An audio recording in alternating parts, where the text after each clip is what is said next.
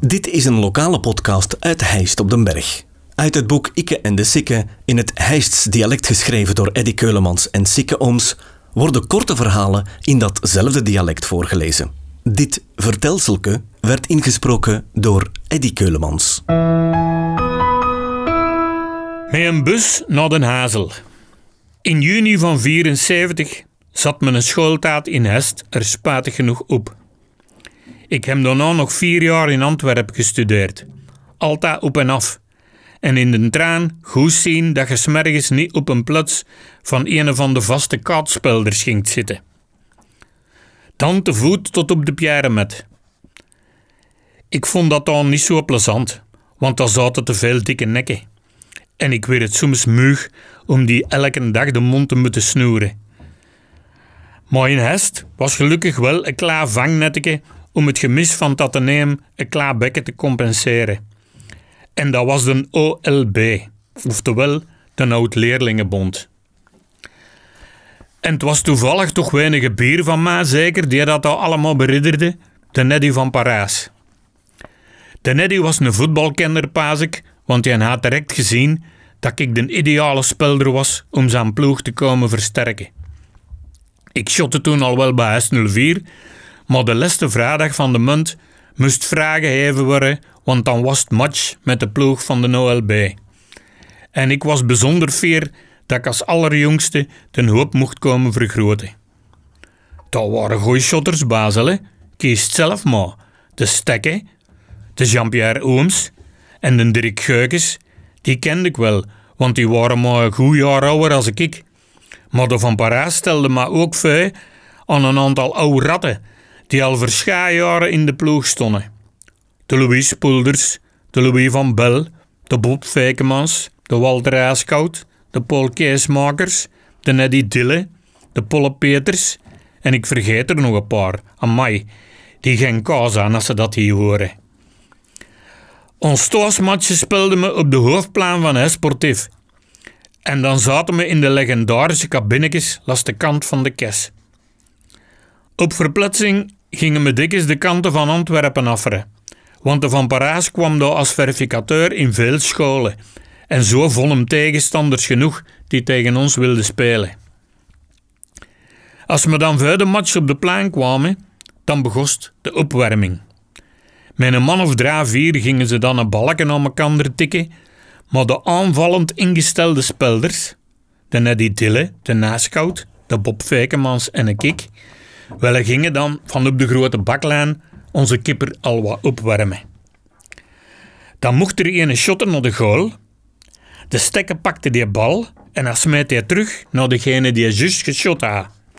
Die gaf dan een luchttikje op za en dan kon de volgende naar de goal stampen. Dat ging dan als volgt. Ik shotte naar de goal. Ik kreeg de bal terug en ik gaf hem op za naar de dille. Die shotte naar de goal, kreeg de bal terug en tikte het hem op za naar de Bob Feikemans. De Bob shotte dan naar de goal. Hij kreeg de bal terug, maar shotte weer naar de goal. Hij kreeg de bal terug en hij shotte weer naar de goal. En zo een keer of tien, want de Bob was een klaarbekke bal verliefd. De Walter IJskoud stond dan met een bedremmeld gezicht te wachten op een bal die helemaal niet kwam. Maar als de match dan begon, stond ik dikjes te wachten op een bal die helemaal niet kwam. Want ik stond in punt en de Neddy Dille stond rechts extreem. En die weer verondersteld om de balkjes voor de goal te centeren, waar ik dan klaar stond om te erin te vlammen of te koppen. Maar de Dille, die was bijna even balverliefd als de pop. Want als deze een man verbaal was, dan zette zijn voetje bovenop de bal en dan wachtte het hem liever om die verdediger nog eens te kunnen dribbelen. Ondertussen stond ik natuurlijk aan het penaltypunt te wachten en te vloeken, want op de deur was ik teruggedekt. Maar toch zijn we met die ploeg bijna nooit niet verloren. Wat wilde met zo'n vedette? We speelden eens in Wanegem op een slecht verlicht pleintje tegen een schoolploegsje van Ginder. Het was al 0-6 en we kregen een corner. De Walter Aaskoud stampte die corner voor de goal, de kipper grabbelde er neffen en ik kopte dat balken in de goal. Maar ik ga pech. want er stond nog een verdediger achter me en die mende dat balken vuil mijn neus weg te shotten. Maar hij stampte 20 centimeter te leeg en krak. Mijn gebitteke van vier vuitannen in het midden En mijn bovenlip, die zwol op en die weer zo dik dat ik bijna meer wat mijn neus kost asemen. Vlak daarop floten naar bitter af en we waren toch wij met 0-7 gewonnen. Joepie. In de cabine zaden van Parijs. Dat ziet er toch niet al te erg wat. We kunnen gerust nog iets gaan drinken in de stad. Want dat is toch niet waard van hier, hè? Dus, we rijden met heel de hoop naar de Patapuf, een gekende dansing in Antwerpen. Ik ga daar veel bezins met mijn dikke lip. Als we nog was gingen met ieders 20 frank aan de botenwipper te geven, waren we er niet van af, hè? Want dat was een dikke takatsch, die later nog bij de bos in de goal gestaan had. En als je durft een stuk van vijf geven, dan smijt hem dan nog over kop. En je mocht nooit meer terug binnen. Onderwege nog was, bekijkte Van Parijs nog eens de school aan mijn gezicht en mijn kapotte tanden en hij dat is immers niks, wel, zijn toch verzekerd. Drie later ging ik bij Jos Mulders op de hof met rekeningen van de tantist. Jongen, zei die, dat is wel een klaar probleem, want de OLB is hier bij mij wel verzekerd, met een belopen van 10.000 frank. En dat lolleke hebben al 40.000 frank gekost. In 76 zijn we met heel hoop gaan zien naar de finale van de beker der bekerwinnaars. Dan Anderlecht tegen West Ham United op Den Hazel. De Lus van de Rijken heeft toen de berg open en die had 20 kaarten kunnen vastkrijgen. We huurden een busje en we vertrokken met ons bende. De keismakers was erbij, de Paul Butts, de Jean-Pierre Rooms, de Dixie en ik weet al niet meer wie nog allemaal.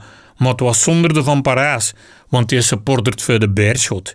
Aan allemaal schildiet en mensen. We kwamen in Brussel aan en we waren klaar voor een avondje van sfeer en gezang tussen de spionkop van de Anderlecht. We volgden de andere mauve-witte supporters tot aan de poort van de ingang, links neven de hoofdtribune. Maar daar stond een ketjesknipper. Die bezag ons kaarten en die zei... Hela mannetjes, ik kan hen hier niet binnenlaten, zal, want gij het kaarten bij blok Q en hier is het blok O. Sorry, je zult achter de goal moeten gaan staan. De lust zei nog, jongen, dat zijn de Engelsen. Ik ga kaarten besteld voor blok O, maar er is waarschijnlijk een vergissing gebeurd met dat streppetje in die Q. Maar niks geket, die vent wilde van geen waken weten en wel moesten van Ermooi met een schroepje van twintig man achter de goal tussen wel 10.000 Engelse hooligans gaan staan. We zullen ons purperwit schalken maar onder ons sip steken, zeker, zei Dixie. Of we krijgen al goed wat toek voordat de match begonnen is. Wel, gingen dus schoorvoetend tussen de Engelsen staan, helemaal van boven en zo dicht mogelijk bij de. De Kees en de Buts, dat waren stroze venten, maar die waren toch niks op hun gemak, En hij zal ik eens het relaas geven van de spannendste match die ik ooit live gezien heb. 28e minuut, 1-0 voor de Engelsen.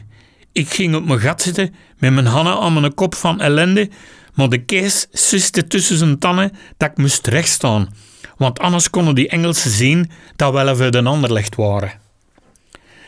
32e minuut. Ludo Koek was gekwetst en weer vervangen door een onbekend jong Fenke, een zekere Frankie Verkouteren. Ik dacht, we zijn eraan, dat komt hier niet goed meer. 44e minuut. Mijn god. Robbie Rensenbrink mocht gelijk. 1-1 voor 12. Alles was nog mogelijk. Ik krijg grote gusting van een hotdog, maar ik durf niet naar de uitgang vreten tussen al die Engelsen tussen de. Ik vroeg aan de Paul Boots dat hij dan niet even wat doen, maar die movede ook geen vin. Na het half, 48e minuut, juist na de time, 2-1 voor ons, een goal van Swatje van der Elst. Ik wou beginnen te zingen van Allons les mauvais blancs, maar dat mocht ook weer niet van de kees en de ba, de match was toch nog belangen niet gedaan. 68ste minuut. Het weer potverdekken toch wel 2-2 zeker? Ik doe dat ik krijg. 73ste minuut. Penalty voor de Anderlecht. En Rensenbrink stampt het hem binnen. Draai 2. We stonden terug voor. En ik sprong van puur geluk in de Jean-Pierre Roomse rug. En die landde twee trappetjes leger tussen de supporters van West Ham. Excuse me, excuse me, dat was al dat hem gezegd kreeg toen dat hem recht kroop en terug omhoog klefferde. 88ste minuut, 4-2 voor de Sporting, want Swatje van der Elst gaf de genadeslag aan die mannetjes van over het water. 90ste minuut, het was zover. De Anderlecht had een beker en wel begonnen te zingen en te springen, want we waren toch zo blij. En ik moet zeggen, die Engelse supporters mochten geen aanstalten om ons eens wat bij te werken. Dat viel allemaal heel goed mee. Ze hebben wel even met ons bus geschud toen dat ze na de match met LST tussen alle benen afdropen, maar toch, al bij al, waren dat sportieve verliezers. Maar toch blijft deze gebeurtenis voor mij het hoogtepunt uit mijn carrière bij de OLB. Nog veel beter dan de winning goal die dat ik mokte tegen Hest 04 op de beker van Hest. Toen ik bij corner de bal in een taat op de slof pakte en die ging via de rug van de Freddy Stroobans binnen. Gelukkig, want anders had de meters er neffen geweest.